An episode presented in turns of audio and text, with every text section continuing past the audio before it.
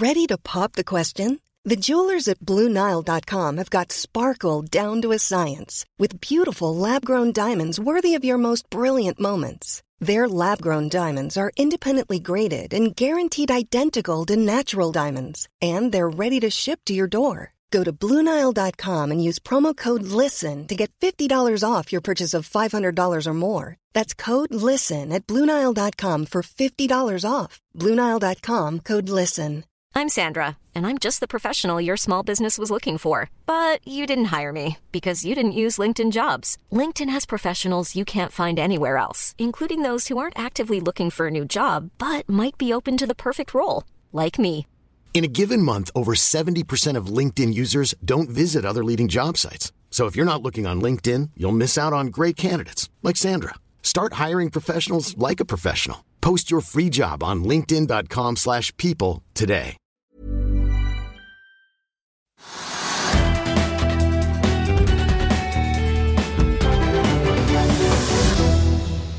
Eh, riktig god torsdag og velkommen til Økonominyhetene på den eh, 25. august. Vi har jo en proppfull nyhetsdag i dag, og derfor også en tettpakket sending klar til deg. Trygve kommenterer markedet, og så har vi fått besøk av DNBs eh, sjeføkonom Kjersti Haugland, som er ute med ferske prognoser. Og vi får jo bare si det sånn, det ser ikke så veldig hyggelig ut. Mer om det straks. altså. Så skal vi få teknisk analyse av eh, Norwegian, og vi skal høre hva JP Morgans eh, makrostrateg har av forventninger til talen til USAs sentralbanksjef, som også skjer i Jackson Hall i morgen. En tale som markedet venter i spenning på. Hovedveksten i dag startet opp 0,6% men mistet litt eh, fart utover dagen og har akkurat nå karret seg så vidt igjen i pluss opp 0,2% får vi si da, med god hjelp av en veldig solid oljepris, som nesten ligger på 102 dollar fat i spotmarkedet akkurat nå. Den amerikanske lettoljen VTI ligger da på 95,20. Markedene i dag har vært grønne i Asia og også grønne i Europa. og Ser vi på Wall Street, så peker det også der eh, mot en positiv start, i hvert fall basert på futuresene. Det har skjedd eh, saker og ting på eiersiden i Norske Skog det siste døgnet. I går annonserte oppkjøpshånda Ocean Yield, som jo er største aksjonær, og også sitter, eh, også sitter med styreledervervet gjennom partner John Chang, at de ville selge inn til 11 av de totalt 27 millioner aksjene de kontrollerer. Alle aksjene ble solgt. og Ocean Yield sitter dermed igjen med en 17% og har inngått en såkalt lockup-avtale med meglerhusene på 90 dager. Aksjene ble solgt til 69 kroner stykket, og den aksjen har faktisk tikket enda litt lenger opp i dag. Ligger nå litt over 72 kroner. En av de store kjøperne er Bygma, som kontrolleres av Geir Drangsland, og som ikke må forveksles med Byggmax. De øker eierandelen sin fra litt over 7 til 12 millioner aksjer, eller da nesten 13% og Byggma-aksjen er opp 1 prosent i dag. Gjødselgiganten Yara varsler nok et kutt i produksjonen sin grunnet høye energikostnader på kontinentet. Den aksjen var først opp 0,6 i dag, men har krøpet opp og ligger nå over 3% opp i løpet av dagen. Ammoniakkproduksjonen deres på, i Europa da, samlet sett er nå da nede i 35% av total kapasitet. og Det er jo langt ifra den eneste industrisektoren som vi har sett kutte tilbake. Hydro-sjef Hilde Merete Aasheim sa jo her i forrige uke at aluminiumsindustrien i Europa nå er nede på halv eh, kapasitet i Europa. og Hydro har jo kuttet sin produksjon på anlegget sitt i eh, Slovakia. Yara på sin side kuttet jo tidligere i fjor høst eh, produksjonen første gang, og i tidligere år har de også varslet lignende grep. Og så er det jo sånn da at Selv om de har skyhøye gassregninger, så har også gjødselprisene steget så kraftig at Yara har levert knalltall likevel.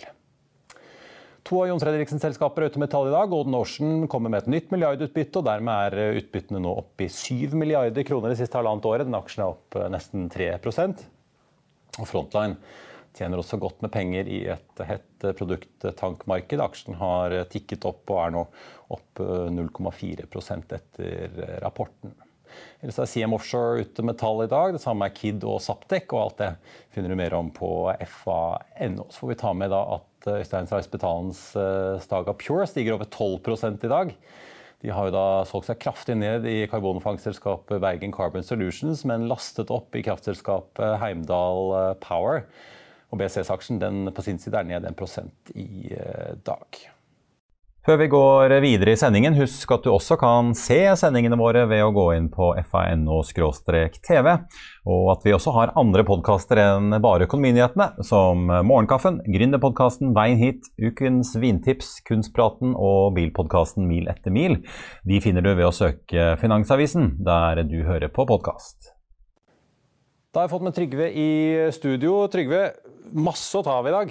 Vi tenkte vi skulle ta for oss eh, en annen veldig stor eh, nyhet som i hvert fall har sendt litt bølger inn i markedet, nemlig eh, Norwegian-tallene. Den aksjen er 7% ja, la meg først si at jeg synes at Det mest spennende akkurat nå da, er jo makrobildet. Altså ja. Hva som kommer til å skje. og Det får vi snakke litt Det skal vi ta med Kjersti straks. Ja.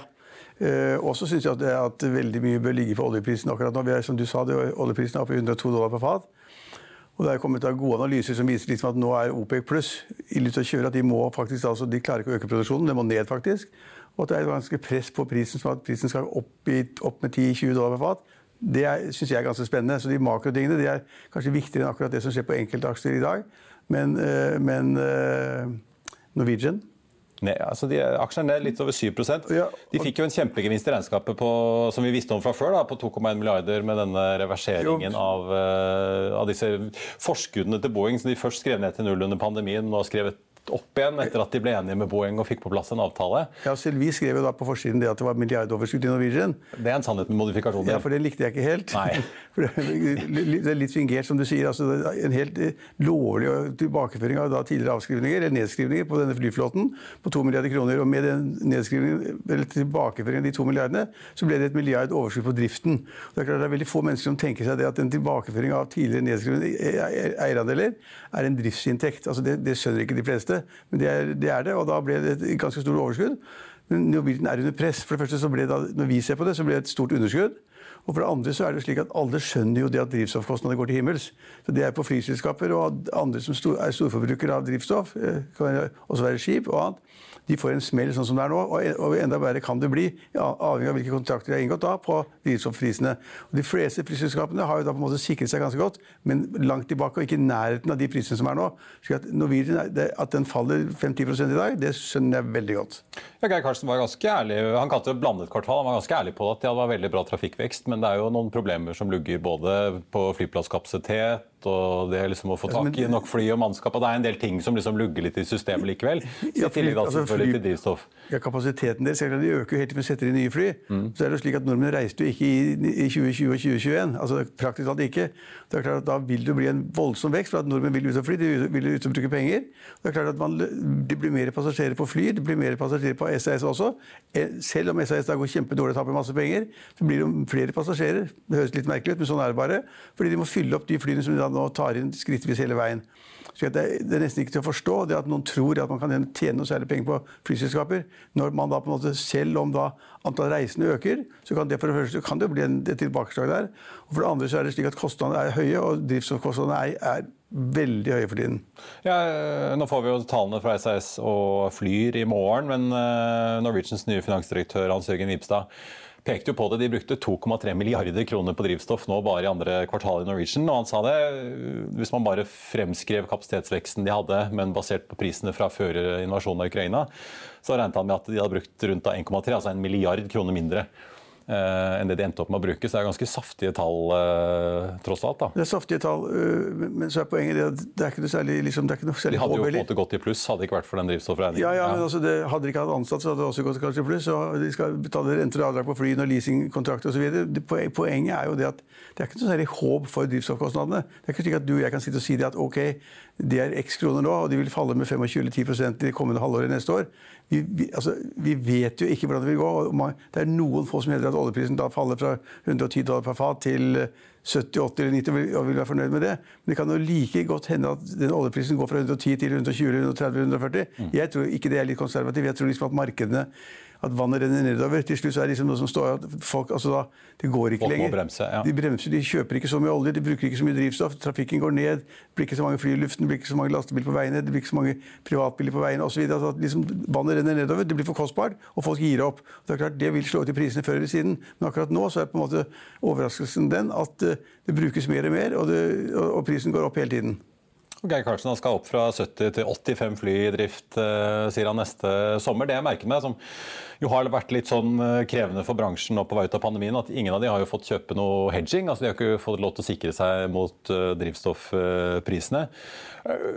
Nå falt jo den holdback, altså Kredittkortselskapene har jo holdt igjen pengene helt frem til avgang, som har presset likviditeten til disse selskapene ganske mye. Nå sa Norwegian at det tallet var nede i nå fra lavt på 70-tallet ned i 67, så de mente at uh, de og bransjen begynte å få en litt bedre standing hos finansinstitusjonene. Det kan jo kanskje hjelpe dem til å ha muligheten til å hedge litt ja, men Jeg tviler på det. Resonnementet er litt galt. fordi at uh, altså, De får ikke sikre seg. Altså, de får selvfølgelig sikre seg, men at the price. Hvis du betaler, prisen på den sikringen begynner kanskje å komme ja, litt ned? Hvis du dobler den eller tredobler den, så får du, da får du helt sikret deg. Men da inngår det en kjemperisiko. Det er det samme som, som det som skjer med Rex Solar. Ikke sant? Hvor da det at det er en strid om da Kunne de kommet unna den krisen de er i? De skal stenge fabrikkene sine. Hvis de hadde sikret, det, eh, sikret da, eh, prisene fremover, strømprisene og det er klart at De kunne sikret, og de hadde fått tilbud om sier ryktet, det vet vi ikke noe om, de hadde fått sikret, tilbud om da sikre på 60 øre per kWt i ti år. Det er ingen som inngår en så dum deal. Så klart, Hadde prisen vært lavere, så hadde de kanskje sikret seg. Mm. Så Det er prisen som er det er ikke det de som sikrer seg eller ikke sikrer seg. Det er et helt håpløst resonnement. Det det går om, og masse politikere som har uttalt sånn liksom, Hadde vi bare hatt langtidskontrakter, så kunne vi hjelpe både bakerier og flyselskaper og alle mulige rart. Nei, det er ikke det det går om. Langtidskontrakten er helt avhengig av prisen du vil inngå den inn på.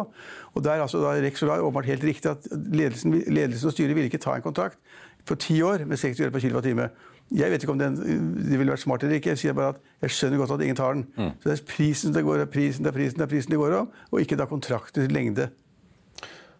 Laksebransjen har kommet med mye tall denne uken. I dag fikk vi også SalMar. Nesten alle sammen har blitt sendt nedover på børs, selv om det er eh, kanontider, høye laksepriser, og alle leverer stort sett eh, enten veldig gode eller rekordtall på rekke og rad. Ja, Det er en veldig god kommentar, Marius. fordi det er jo, altså, Vi ser at aksjekursene faller ikke mye, da, bitte litt. Og de fleste meglerhusene justerer ned litt. Ikke mye, men litt.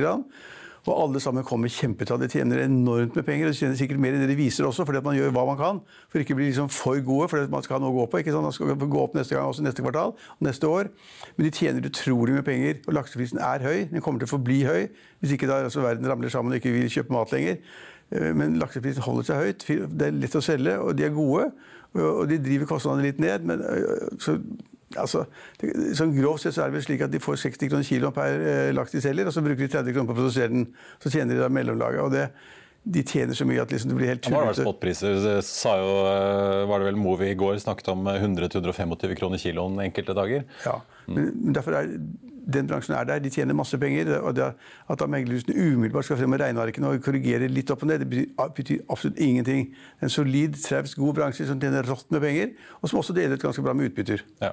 Men en gjennomgående trend likevel jeg har sett, veldig mange av de tar eh, produksjonsanslagene sine bitte litt ned og snakker om eh, økende kostnader på fôr og andre ting. Så... Vil ikke du også alltid snakke om det? Ingen slipper unna inflasjonen, virker det som. Altså selv Grieg, Grieg Han må klage for sin syke mor. Ja, selv Grieg Seafood, som har vært den store taperen og alltid drevet dårligst, mm. tjener jo rått med penger. Ja. Det er liksom, Vi snakker om milliardbeløp. ikke sant? Så det er, nei, Den bransjen det, den vil jeg ikke syte for. De har det utmerket godt, og de kommer til å gjøre det bra fremover også. Og aksjonærene kommer til å ha stor glede av det om da man skal gå ut nå, fordi at liksom kursen har da antisipert den inntjeningstakten de har. Det er jeg ikke så sikker på, men altså, det, det ville ikke gått ut av nå. På tampen, du, eh, Vi har jo en sjakkstjerne her i landet som også har startet selskap eh, for noen år siden. Play Magnus. Nå har det kommet bud på hele selskapet som styret anbefaler. Eh, den aksjen spratt jo opp 20% 20 til 50 år under tilbudsprisen på 13 kroner aksjen her i dag. Hvor mye, har, hvor mye har Magnus selv i selskapet? Ja, det husker jeg ikke i farten. Men poenget som i hvert fall jeg tenkte å ta, var jo at det er jo en del av disse småselskapene på Euronex Growth som uh, har begynt å få en del sånn oppkjøpstilbud uh, i det siste. Ja, men, men altså, Jeg kan ikke det selskapet godt nok, faktisk. Og jeg er ikke sikker på da hvor mye Magnus selv har. Men det, Kanskje det er 20-30 eller sånn. Det burde han ha i hvert fall. Men det er et selskap som har market på 800 millioner. Det er ikke mye, da. Det er et lite selskap. Men er, altså hvis jeg husker rett, så er den kursen som da, da det oppkjøpende selskapet nå vil betale, rundt 13 kroner eller sånn nå, det er altså nesten halvparten av det selskapet ble introdusert på på Oslo Børs. Halvparten. Ikke minn oss på det, Trygve. Nei, nei, nei. Så, så den, den, var jo ganske kraftig opp. altså over 30, opp til 30-40 kroner. og Så ramla ned på 10-12 kroner. Og så kommer noen og vil betale 13 kroner for selskapet. Da syns jeg det er helt greit at styret sier OK, er, vi har ikke den store inntjeningsevnen vi trodde. Navnet er kanskje ikke så godt som vi trodde. Et eller annet avfall gærent. Det er ikke noe, det er ikke noe sted å tjene penger på. Det er ikke. kanskje noe om fremtidsutsiktene som Ja, styret har. i hvert fall. ja, styret sier bare selg alt sammen. Alle bør selge. På den kursen som er halvparten av det den da opprinnelig ble introdusert med. Ja. Det er ikke så lett å tjene penger, Marius. Nei, det er lettere sagt enn gjort. Selv om det heter Carlsen. Carlsen. Vi skal få inn Kjersti Haugland her, og mens hun setter seg, så gjør vi eh, dagens aksjetips eh, klar til deg. Det blir mer om Flex LNG og hydrogenselskapet Nell. Hva er det som kan gi deg sikker, trygg avkastning i det usikre markedet vi er inne i nå? Utbytter. Og nå som gassprisene stiger til nye høyder, er det duket for utbyttefest hos Jon Fredriksens Flex LNG. Det er torsdag, og her er aksjetipset. Flex gjorde mer enn vi håpet i dag, og la til et ekstraordinært utbytte på 0,5 dollar per aksje, som vi mener er bærekraftig for mer enn bare ett kvartal, skriver Eirik Håvaldsen i Pareto Securities i en fersk analyse. Med en flåte som har avtaler til langt inn i 2024, med bunnsolide motparter, tror Håvaldsen at Flex vil fortsette å prestere godt og være i en bra posisjon til å sikre seg nye langsiktige avtaler på det han omtaler som superprofittnivåer. Håvaldsen han oppjusterer kursmålet på Fredriksen-aksjen til 390 kroner og gjentar kjøp. DNB Markets, eh, Danske Bank og Clarksons oppjusterer også sine kursmål til henholdsvis 365 og 325 kroner. Blant elleve analytikere så anbefaler bare to kjøp og ni hold. Thomas Scheivius i Norne har anbefalt kjøp av Nell helt siden i mars i 2021 og har ikke rikket seg til tross for relativt konstant børsfall. Nå nedjusterer han imidlertid etter at hydrogenselskapet leverte langt under analytikernes forventninger i andre kvartal. Analytikerkollega Gard Aarvik i Pareto kalte det ran på høylys dag i en fersk analyse. Verdsettelsen er rett og slett for høy, sa han. Blant 25 analytikere anbefaler åtte kjøp, åtte hold og ni selv. Da har vi fått med Lady of the Hour, får vi si, for det med Markets med sjeføkonom Kjersti Haugland er altså ute med ferske prognoser i en verden der vi har en inflasjonsbrann, som du kaller det, Kjersti, og du forbereder oss på en tøff vinter. Velkommen. Tusen takk. Litt dystert budskap å reise rundt med i dag. Ja, men på noen måter så får jeg litt tilbakemelding om at ja, ja, det var ikke så ille som jeg hadde sett for meg. Så det er jo mange som går rundt med litt dystre tanker om for tida, ikke minst investorer. Det er som også at bensinprisen bare er 21 kroner literen. Ja, alt er relativt. Alt er relativt. Alt er relativt. Men går, går an, altså Du er veldig dyster i dag da, og, og, mm. og ser skummelt ut. Og du ser åpenbart da tilbakeslag eller resesjon, som er ganske kraftig mange steder. Ja. Men ja, så sier man liksom, forventer folk noe annet. Altså, kan det bli verre når inflasjonen ligger i altså, USA og EU-området på 8-10 det kan, kan det bli verre enn det, liksom? Ja, altså at inflasjonen kan bli verre? Ja, mye verre enn det. Eh, vel, det kan han faktisk. Vi tror jo for eksempel at I Europa så kan han definitivt bli verre. Eh, og det tror vi jo. En, en, en, en 10 pri- prisvekst? Ja, Ja, eller ja, Vi skal videre opp da mot 11 tror vi. Og, og i, i, du? i Storbritannia, ja, Ja, og i i Storbritannia 15 er jeg hørte, jeg toppen. hørte 18 forleden, men det kan Ja, ikke ja, ja det, Vi vet jo ikke hvor toppen er, men det handler jo om disse gassprisene som dere allerede egentlig har vært innom i, i sendinga Ja. her. Eh, Det er kraftig økning i Europa. Det er energikrisa som har forverra seg. og Dette så vi når vi jobba med rapporten, og så har det nå de siste dagene bare kommet eh, virkelig ramlende inn eh, nyheter som har fått gassprisene til å stige til nye høyder. og Markedet virker jo ikke å tro at dette her skal gå over med det første heller. Det er få som stoler på eh, Jeg så liksom Bloomberg hadde en sammenligning her i dag. altså Kraftprisene i Europa lå på en 41 euro megawattimen det siste tiåret. 41. Og forward-prisen et år frem i tid i Frankrike og Tyskland er nå 870 og 725 euro. Altså Det er så mangangeren at eh, Men vi ser jo på en måte Yara og Hydro og alle disse, de stenger jo ned, da. Så det er jo på en måte en slags rasjonering som allerede er i gang. Det er allerede i gang. Og det er, sånn, eh, det er mange som kanskje mener at en skal spare ordet krise til det virkelige krise. Men det er veldig vanskelig å la være å bruke ordet energikrise i Europa. Og den energikrisen er i ferd med å forverre seg. Og det, det er flere årsaker, men den underliggende viktigste driveren er jo at russiske forsyninger til Europa eh, har blitt kraftig strupa, og det skyldes på vedlikehold. Men det er jo ingen som eh, kjøper den forklaringen. Og det, hvis det stemmer at egentlig Russland er ute til å tyne Europa, gjerne skape splid eh, knytta til nettopp en energikrise som forverrer seg, ja, så er, går vi jo en tøff vinter i møte. Og det er nettopp det vi tror. Eh, at nettopp gassprisene skal stige til nye nivåer. Vi skal ha rasjonering fra myndighetssidene, ja, men òg sparetiltak eh, som fra myndighetene sin side.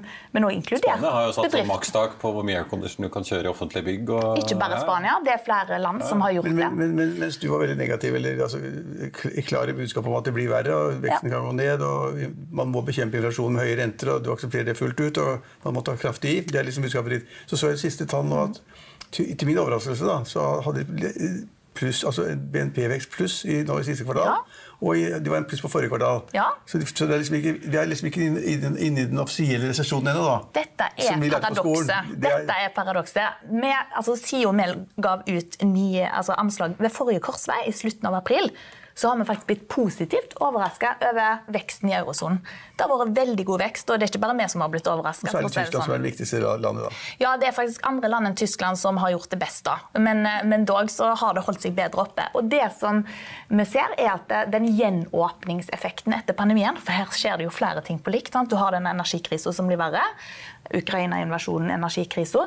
Men parallelt med dette skjer det en gjenåpning etter pandemien som har ført en kraftig rebound for tjenestesektoren. Og det har på et vis dominert tallene, sånn at eh, særlig nå i turistsesongen så har det blitt en skikkelig boom da, for, eh, for de mest turistaktive økonomiene. Og Norge vokste jo med 0,7 vel i andre kvartal, så det var jo en sånn gjenåpnings... absolutt, Ja. absolutt. Så Men er det ikke resesjon i Norge, ikke resesjon i USA og ikke resesjon i Tyskland ennå? Det er ikke det jeg mener med. Men noen mener at det er resesjon i USA allerede. Det Ja, det synet er deler ikke med. riktig. Nei, det er ikke Nei, riktig. nei. Vi har to, negative, ja, to negative kvartal på rad, men dere spår jo da Mm. at eurosonen faktisk vil få resesjon fra og med fjerde kvartal i år, og så venter dere at USA vil komme etter utpå våren en gang neste år. Nettopp. Og det er to forskjellige ting som skjer her. Eller begge deler handler jo om høy inflasjon. selvfølgelig. Det er fellesnevneren her. Men eh, Europa, nå er denne gjeninnhentingseffekten etter, oppløp, um, etter at pandemirestriksjonene har blitt fjerna, den vil jo ebbe ut nå. Og husholdningene i eurosonen de har ikke opplevd like sterk lønnsvekst som sine amerikanske motparter. Eh, der har du sett en ganske beskjeden oppgang i lønnsveksten ennå, mens da inflasjonen den er skyhøy og økende. Så her trekkes det inn kjøpekraft. Eh, så det er jo forbrukerne nå kommer jo til å få stadig større problemer med å opprettholde forbruksveksten. Eh, Og vi tror at det vil gi seg utslag i at forbruket begynner å falle utover høsten. Så i fjerde kvartal så tror vi starten på en resesjon i eurosonen, og for så vidt også i Storbritannia, er i gang. Og det er den skyhøye inflasjonen som er hovedårsaken til Mens i tillegg så strammer jo faktisk da, paradoksalt nok sentralbankene inn pengepolitikken. Og hvorfor det, lurer du kanskje på? Ja, da- ja. Det handler jo om at eh, vi, parallelt med at vi opplever denne ekstreme inflasjonen, så er det fellesnevner både for Europa, Norge inkludert, og USA, eh, og USA i særlig grad, at arbeidsmarkedene er brennheite. Det er veldig stor mangel på arbeidskraft her og nå. Så vi får håpe at vi blir mer arbeidsledige, da. Vel, altså Det er jo det sentralbankene er nødt til å forholde seg på, til. At De det er vel den kyniske sannheten, at man er nødt til å liksom Du må, ha prisen på arbeidsmarkedet bort, og da må ledigheten øke. Det er faktisk det som må til. Fordi akkurat nå så er det veldig brennbar jord for at denne her inflasjonsbrannen skal spre seg. Sant? Og nå må sentralbankene på en måte kjøle ned omgivelsene, sånn at dette her ikke gir seg utslag i en galopperende lønnsvekst. Og galopperende lønnsvekst ser du jo i USA allerede. Den er på 1984-nivå. Hva, hva, vi kommer til det etter hvert også, men hva gjør Fed nå?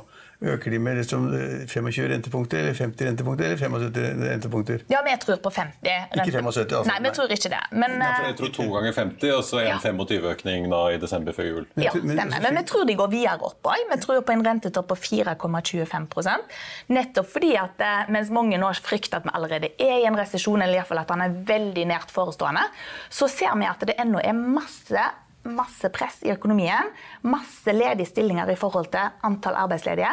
Så selv om veksten nå dempes, for det kommer han til å gjøre, så vil det ta tid før alt denne overskuddsetterspørselen etter arbeidskraft forsvinner. og Da vil det være veldig stort press i økonomien, og Fed vil ha behov for i dagens situasjon å fortsette opp på renta til de ser helt klare tegn til at eh, dette presset begynner å avta. Og vi tror det drøyer til mars 2023. Så aksjonærene rundt om i 2023. verden de bør gå og gjemme seg nå.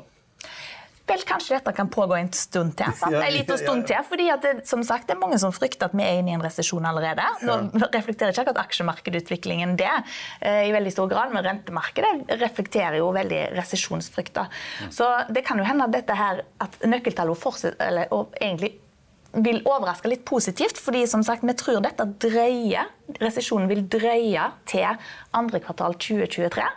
Eh, Men da, kommer han, da tror vi på et vis at kjøpekraften har blitt tært nok på både av rentehevinger og av denne høye inflasjonen Ja, for- til at for forbrukerne demper seg en god del, og arbeidsledigheten begynner å stige. Ja, for Dere vet jo da at Fed vil begynne å kutte renten igjen fra september neste år, og så at faktisk Norges Bank vil begynne å kutte igjen på tampen av Ikke sant? 2023. Og det høres, høres nesten litt paradoksalt Det var ut. akkurat i Arendal så at Ina Wolden Bakke gikk til med en dobbeltheving på et mellommøte, faktisk. Det var jo litt uortodoks kost. Nettopp. Nå går de kraftig til verk, sant? eh, i da er det jo på en måte en veldig oppbremsing nå, så plutselig må de begynne å slippe opp igjen fordi Nettopp. De oppnår det de er ute etter. De oppnår nedkjølingen. Når nedkjølingen da er et faktum, hva skal en da gjøre? Det sentralbankene ikke bør gjøre, det ble gjort på 70-tallet, eh, var at med en gang de så denne nedkjølingen kom, så var rentene rett ned igjen. Jeg tror ikke at sentralbankene vil gjøre det. De vil være føre var og holde på rentenivået, et, et, vesentlig høyere rentenivå enn normalt da, en stund. Men så vil de nok få renta ned, men de vil holde på et nivå som er høyere enn nøytralt. Altså det det betyr at de går fra en kraftig brems i politikken Til å ha en litt til sånn svak litt grann av brems. At det er en vedvarende brems. Så vi tror jo ikke at den norske styringsrenta skal tilbake igjen til 1,5 eller 0. Ja. Vi tror hun blir liggende på 2 etter en gradvis rentenedgang som starter ved slutten av 2023. For da vil Norges Bank se det, at eh, jobben i stor grad i hvert fall er i ferd med å bli gjort. Da. Men vi skal altså da gjennom en, altså en tunnel hvor toget kommer imot oss eller er fra oss. Det blir en tøff periode fremover. Det blir det. Tre måneder, seks måneder eller ni måneder. Ja. Og du tror da at du skal inn i en resesjon både i USA og i Europa euro og Tyskland? Ja. Men Ja. ikke i Norge. Ikke Norge. Men Norge, vet du, vi er, nei, ikke Norge, nei, vi har jo Vi har alle vi har de inntektene vi trenger, og alle, alle har jobb. Ja, og, men, men akkurat nå har jo alle jobb òg i Europa og i USA. men i men, dette kommer til å snu. sant? Men i Norge òg så kommer arbeidsledigheten til å begynne å stige, men fra ekstremt lave nivåer. Så vi kommer er til å få 1,6 1,6%. 1,6 prosent, er Og det vanlige ligger på liksom, kanskje litt i underkant av 3% Ja, to et eller annet. ja. så, så vi er på veldig lave nivåer. Så vi, vi skal bremse kraftig opp i Norge òg. Jeg tror nok f.eks. første kvartal neste år vil by på et, et, et lite fall i BNP. Så, så det er ikke sånn at, det, at vi skal bare ufortrødent vokse videre. Nei, det er, kommer til å være en tydelig nedkjøling, drevet av forbrukerne. Men så har vi et investeringsboom på gang i Norge. Ja.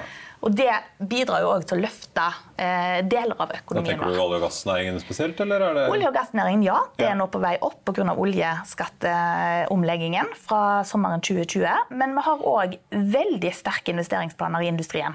Ja. Eh, faktisk. Eh, Grønne skiftet har mye av eh, Så Fleier det- og Men det- men det- Morrow og co. som skal settes kan jo bli redusert eller korrigert hvis man nå får da denne strømprisen som er helt uforståelig nesten. Det kan Da kan du, absolutt. Så enten du driver med aluminium eller driver med bakevarer eller driver med altså, kan ikke, Alt mulig. De Det Mm. får problemer når strømprisen er så høy. da. Ja, jeg er enig i at får det, det kan være en risiko der. Ja. Tre millioner mer i strømkostnader, Mm. millioner mer i strømkostnader. Du kan nesten ikke følge med engang. Altså, det er så... På den andre siden, Hvis investeringene skal bli, faktisk bli gjort for å på måte, framskynde energitransisjonen, så vil jo egentlig insentivene til å gjøre nettopp det være enda sterkere nå. Når vi står overfor de ekstreme prisene som vi gjør. da. Og det er jo også, bare for å ha sagt det, det blir en veldig tøff vinter for eurosonen, tror vi, og Storbritannia, Ja. med eh, skikkelig krise. Men eh, etter hvert så må vi også huske at Ukraina-krigen gir bakgrunn for å vente et solid investeringsboom eh, i form av militær opprustning og energitransisjon, der en har fått eh, ekstremt hastverk med å øke Tyskland skal plutselig forsyningssikkerheten. bygge LNG-terminaler og ja. Det kommer til å koste penger. Det kommer til å bli brukt masse penger over offentlige budsjetter. Det kommer til å skape aktivitetsimpulser inn i økonomien. Så vi tror jo eh, om et års tid, da, utover høsten neste år, at, at situasjonen vil se vesentlig lysere ut for eurosonen enn den gjør nå. Men altså, nå har jo, Det er jo ikke din avdeling i DNB, men dine kollegaer i, i boliglånsavdelingen i Nordea alle disse andre bankene har jo sendt ut meldinger. Nei, nå er ikke vi boliglånsrenten med en halv prosent. Et halvt prosentpoeng. Eh, og så, men så ser vi jo nå at det er jo egentlig nå vi begynner å få effekten av Ja. juniøkningen på konto, hvis man begynner å se hva banken trekker. Jeg så, for Nå kom jo Kid med sine kvartalstall i dag. Jeg så rett i outlooken for å se om de sier noe om julehandelen. Det sto det fint litt om. De snakker om fraktkostnader og mye annet. Men de opplever jo fortsatt en, en vekst. Men vil julehandelen bli da ganske mager? Er det ikke på en måte nødt til å bli det? Når, uh, for disse renteøkningene som de begynner jo på en måte å treffe nå fra august, og så kommer det da en ny runde i oktober. var det vel ganske mange skrev til sine kunder. Da er det jo plutselig ganske mange tusenlapper ut av husholdningsbudsjettene ut når man kommer da oktober, november, desember. Det er nettopp akkurat det som er budskapet vårt. At dette, her, dette kommer til å bli en real kalddusj for husholdningene. Eh, og det som du sier, dette kommer jo med tidsetterslep. Det blir sendt ut brev, og så tar det så, og så mange uker før det får effekt ut til kundene. Og nå har det kommet altså to, eh, to rentehopp eh, på, eh, på 50 basispunkter. Nå tror jeg det kommer enda et på 50 basispunkter i september. Og så enda to eh, kvartinger da, på de to resterende møter. Nettopp. Så, og, og, dette er egentlig så i forhold til prognosene vi hadde før, altså på vårparten i år, så så vi òg for oss en rentetopp på 2,75. Vi tenkte at det er passelig i forhold til gjeldsgraden i norske husholdninger. Men så har jo eh, Norges Bank da trødd mye raskere på gassen. Altså de, eller på bremsen. Det virker jo, De har ganske hastverk. De har hastverk, sant? Dette skjer mye raskere, men vi har fortsatt tro på at rentetoppen er 2,75. Men den inntreffer altså på slutten av dette året. Og da tror vi at effekten av kombinasjonen av den høye inflasjonen og eh, rentehoppa, som har vært usedvanlig eh, kraftige, eh, så tror vi at det vil ha en effekt. Da, da slår det inn på forbruket. Da tror vi folk vil gjøre andre vurderinger. Ja, da, ja, tror, du, ja, tror du julehandelen kommer resultatvarsler fra XXL og Kid Europris og hele gjengen? Jeg er rimelig sikker på at høyere rente betyr lavere konsum hos forbrukerne. Mm -hmm. det, altså Den sammenhengen er så klart som den kan forbli. Så er spørsmålet hvor sterk den blir. Vi ser det da allerede nå, det at sportsbransjen selger mindre. Mm. Masse altså, masseprodusentbutikker, altså Kid eller XXL eller hva det måtte være, mm. de selger mindre allerede nå. Så de kommer til å selge mindre til jul enn de kanskje gjorde i jul i fjor. Uh, og så var vinteren litt dårlig også. men jeg, det, du, du, sier at liksom, man får sjokk eller blir overrasket på slutten av året. Jeg tror ikke det. Jeg tror at de fleste i familier sitter og regner på liksom, renten går opp halv prosent eller kvart prosent, så skal, hva blir det for oss? Hvor mye er renten, hvor mye er avdragene? Og hva må vi gjøre nå, Ole? Og to unge løper rundt og sånn. Det tror jeg vi kan regne på. Men den store overraskelsen høres litt rart ut jeg sier det, fordi man snakker om det hele dagen, den store overraskelsen kommer jo på strømregningene. Mm. De blir mye verre enn folk har regnet på. Ja, ja. Og de får, liksom, Der vi fikk 1700 kroner før, så får de 6000 kroner eller et eller annet. Så ser du, da staten tar en del av regningen, så er det så mye igjen å betale på differansen. Mm. Og det har de ikke regnet med i det hele tatt. Nei. Når du får strøm og og renten, og kanskje litt matvarepriser som du også er litt sjokka over, mm, det syns jeg for øvrig ligger merkelig høyt, mm.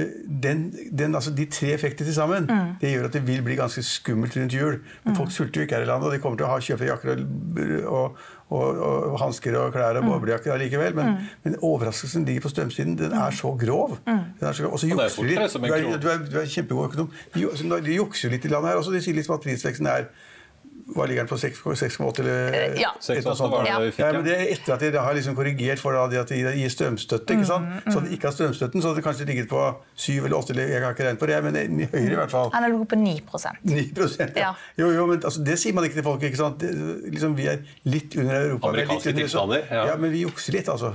Jeg sier jukseansvarlighetstegnn. Vi jukser litt, ja, for å få inflasjonsbildet litt bedre enn det er. Og når man og når folk begynner å regne på ting, så ser de realiteten alt de gjør. og sånn, så, det, så, da blir det litt verre alt sammen. Og så er det det med hverdagskostnadene òg. Hvis vi ser på konsumprisindeksen, den tar jo med seg mange ting. Og prisveksten på ting som vi kanskje investerer i en gang iblant. Kjøper en gang iblant, men ikke på daglig basis.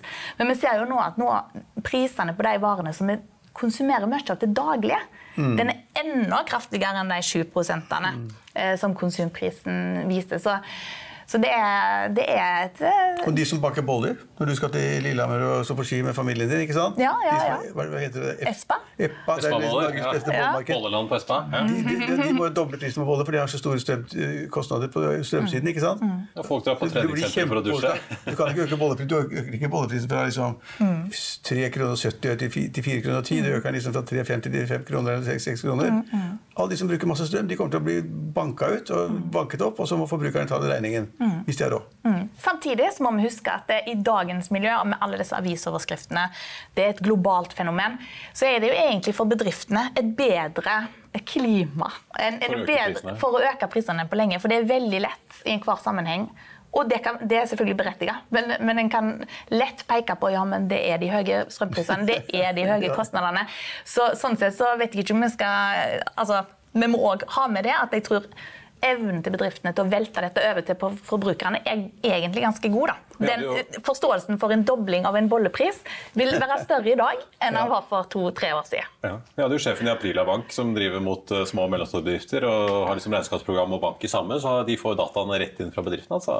Det er ikke noe marginpress i SMB-ene, fordi de, inntektene øker like fort som kostnadene. Så er, ja. De klarer tydeligvis å hente det igjen. Og det er der det er der konsumprisveksten Det er jo derfor konsumprisveksten øker sånn. Eh, og det er jo det som altså, Hvis det er sånn at bedriftene til og med kan legge på marginer i denne situasjonen, og det tror jeg de har kunnet gjort i hvert fall så langt i år, for etterspørselen har vært veldig god. Så du har ikke bare kunnet kompensert for kostnader, eh, men du har kunnet liksom tatt litt mer òg, og tatt ut marginene. Eh, og det, eh, det, er jo nettopp det sånne tendenser at Norges Bank er satt til å passe på i lag med lønnspress osv. Det er ikke sant, sånn som noen hevder, at det som skjer med norsk inflasjon, er utelukkende et fenomen som er importert, og Norges Bank kan ikke gjøre noe med det. Det stemmer ikke. Det er bare tull. Men du, du sier også det at boligprisene faller kraftig? Du sier ikke bare litt, Nei, men kraftig? det er i så fall en eh, litt, eh, litt dårlig referanse på Desker eventuelt. Men eh, det er sånn at vi har et anslag nå om at boligprisene på månedsbasis korrigert for sesong, ja. vil, vil, falle med rundt 0,2 eh, nå fram mot egentlig gjennom vinteren og flate ut. 0,2 per måned. Det er jo veldig lite. Ingenting. Ja, det er det jeg mener. Det er ikke noe kraftig. Men, altså, jeg hadde, jeg, hadde jeg turt å si det, skulle jeg sagt til Norge at det er da man skal kjøpe fast eiendom. For med inflasjon på 10-15% så er det klart at da blir gjelden borte på 0,0. Det kan du si. Det ville ikke Norges Bank likt at du sa. Nei, jeg men ok. Ikke det. ja. Du, dere, tusen takk. Det blir jo veldig spennende å se. Jeg merker meg jo eh, Dere tror ja, norsk økonomi skal vokse med 0,8% neste år? Ja, ja. det tror jeg. Da har vi litt å gå på ned til null? Absolutt. Og så er det jo en det er noe med dette som er litt kjedelig å snakke om på TV, men overhengseffekt. Poenget er at det kommer til å starte ganske svakt. Ja. Ikke med vekst uh, dette året her. Men vi vil ikke få disse her to kvartalene på rad med nedgang ifølge våre prognoser. Og selvfølgelig er det usikkerhet, og selvfølgelig kan det gå svakere. Men vi mener vi har gode argumenter for å hevde at norsk økonomi skal klare seg relativt bra. Det handler om den strømstøtten, det handler om det investeringsløftet som er på gang. Uh, og ja, det handler om at arbeidsmarkedet fortsatt er, er ganske sterkt. Og lønnsveksten egentlig... kommer til å bli sterk neste år. Nesten 5 Oi. Jeg trodde, jeg trodde litt, ja, ja, det skulle være 3,7 i år, og det, ifølge tariffoppgjøret. Det ble det ikke. Det ble spist, ja. Så blir det, skulle det være 4% Du tror det blir 5 eh, Nei, må, eh, neste år tror vi det blir 4,8% Ja, det er 5% ja, Så tror vi det blir 4% i år. Da blir det null reallønnsvekst. Mens mm. Eh, nei, unnskyld, et stort, et betydelig fall, over 1% fall i reallønningene. Negativ, negativ og dette kommer folk til å få kompensert for, tror vi, i lønnsoppgjørene neste år. Det kommer ikke til å bli tatt feil en gang til. Skal det, da skal det lønnsøkt på 4-5 da? Men, ja, vi tror at eh, kanskje lønnsoppgjøret eh, havner på rundt 4,5, og så har du litt sånn glidning og ting som skjer. Sånn. Så 4,8 er vårt anslag for lønnsveksten neste år. og Da blir det reallønnsvekst igjen. og Det vil igjen bidra til at forbruket blir støtta opp under igjen, da, for, til forskjell til f.eks. For Storbritannia og eurosonen, der vi må forvente oss kraftig reallønnsfall både i år og neste år. Og du, og, og, bare for å gå tilbake til den sirkelen med, med strømprisen også, for da gjør tingene enda verre. Altså, tall som kom i dag, viser det at i Sør-Norge eller Sørøst-Norge mm. så ligger snittprisen på 5-6 kroner. Mm. Hadde du drømt om det? Nei, hadde jo ikke det. Man kan ikke legge det, legge det inn i regnearkene engang. Det, er det er jo historisk sett sjukt. Mm, det er utrolig mange ting som har eh, slått til på likt. Men eh, det er vel litt forslitte uttrykket 'perfekt storm'. Men, ja, det, ja. det, men det er krigen i tillegg til sårbarhetene som det grønne skiftet tross alt fører med seg da, i den overgangen, at, den, eh, at, det har virkelig slått til. Men tenk hvis det ble ti kroner? Per kilowattime. Ja, det kan det jo bli. Det har blitt i Øst-Europa noen, ja. noen steder, og også da i Nederland. og det, altså, blir det ti kroner, hva gjør vi da? Går vi og gjemmer oss, da? Eller? Nei, da tror jeg nok at strømstøtten kommer til å bli oppskalert. Slutter, slutt, å dusje, da? Da tror jeg nok at strømstøtten blir oppskalert. Oppgradert? Oppskalert. Ja. ja, oppskalert. Ja. ja, det, ja sannsynligvis så går vi jo under, går vi under her. Det er min, det, det er min uh... Ingen skal dusje, og ingen skal tørke tøy. Kan ikke fønne hår og tørke klærne og noe ting? Nei. Det blir et litt annet liv, da. Det blir det. Men det er, men det er, ikke, det er ikke, helt umulig jeg tror ikke det er sannsynlig, men det er ikke helt umulig at du plutselig skal se titallet Da blir det Langt ifra helt umulig. Det vil jeg si er alt annet enn eh, et scenario med en eh, ubetydelig sannsynlighet. Vi ser i hvert fall en gasspris som begynner å nærme seg 500 dollar fatet. Sammenlignet- Ja, er på den. Ja. ja, sammenlignet med 100, og- 100, 102. 102. Ja. Det sier litt. Vi får, bare Norge fortsetter å selge gass til høye priser, så får i hvert staten inn med inntekter. da. Absolutt, og de bør de ikke bruke over budsjettene, for da blir det enda mer inflasjonspress. Så når dere hadde gjort et regnestykke, eh, kort til slutt, har dere gjort noe regnestykke på hva dere tror staten får inn, eller? Nei, det har vi ikke gjort spesifikt. 2000 milliarder ekstra eller oi, oi. Ja, vi får se. Takk skal du ha, Kjersti. Det blir veldig spennende å se. så får vi jo eh, se. Det kan jo selvfølgelig komme en krise som gjør at alle disse drømmene til sentralbanken om å holde en viss, eh, et visst rentenivå går rett i asken, som de gjorde for eh, 15 år siden. Alt kan skje. Alt kan skje. Takk skal du ha. Vi holder oss i makroverden, for i morgen altså, så skal USAs sentralbanksjef Jerome Powell tale på den kjente Jackson Hole-konferansen i USA. og Med en inflasjon godt opp på 80-tallet og med kraftige renteøkninger på gang, så vil jo hvert eneste ord bli vurdert nøye. Kollega Are Haram snakket med JP Morgans makrostrateg Mike Bell om dette litt tidligere i dag. Bare se her. Mike Bell. Friday, uh, Jerome Powell is giving a very important address in Jackson Hole. What are you expecting from this? I think they're going to say that they need to continue fighting inflation because you've got one of the tightest labour markets in the post war period, and they're committed to get inflation down. But do you think that the Fed will keep tightening for a long time?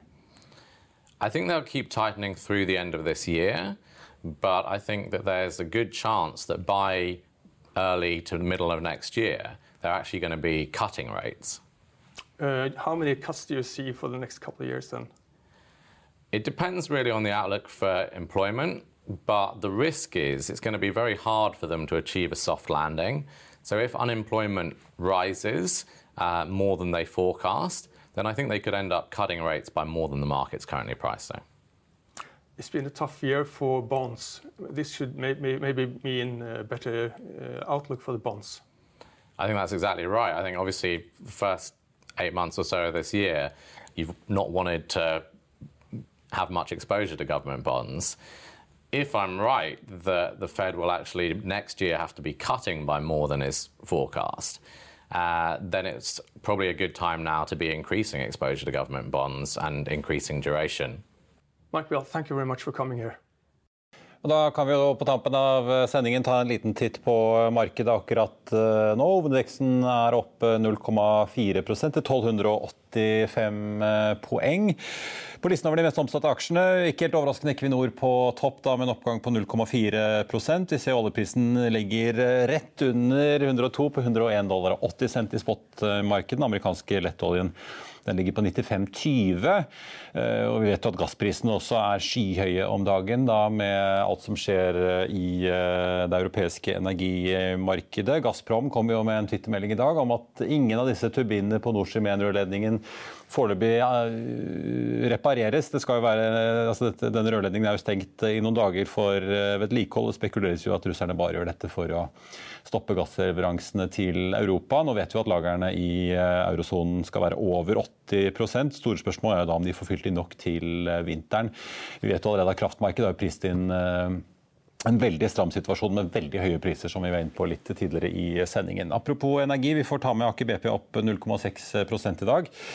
Og så er jo da vår energi opp 2,8 Yara, som er rammet av energikrisen, får vi jo si, varslet da enda mer kapasitetskutt eh, i Europa på ammoniakkproduksjonen sin.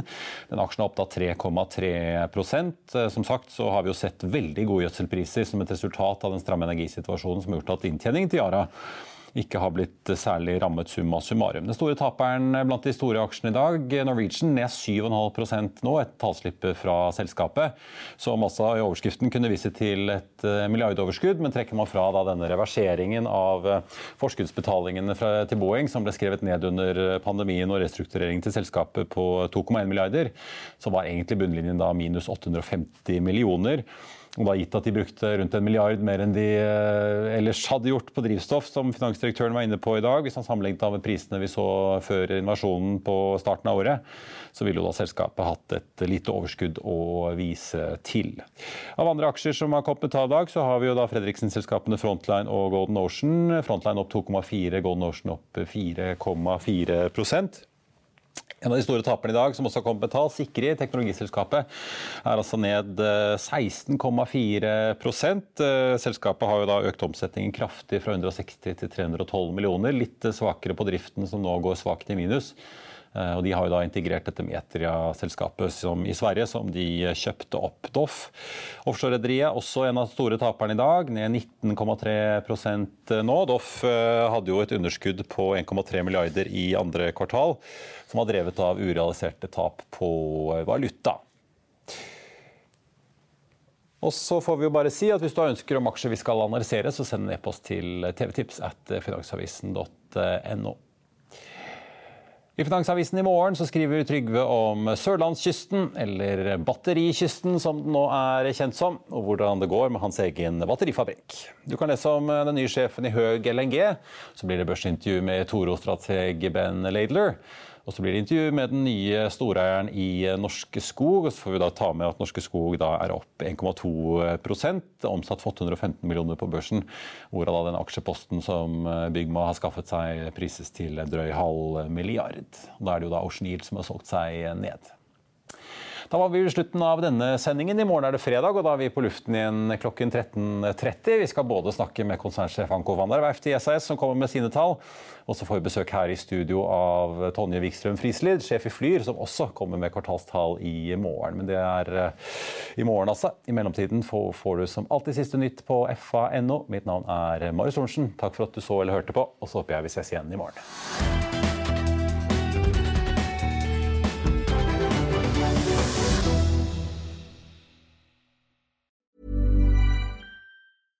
Small details are big surfaces. Tight corners are odd shapes. Flat, rounded, textured, or tall. Whatever your next project, there's a spray paint pattern that's just right. Because Rust new Custom Spray 5 and 1 gives you control with five different spray patterns. So you can tackle nooks, crannies, edges, and curves without worrying about drips, runs, uneven coverage, or anything else. Custom Spray 5 and 1 Only from Rustolium.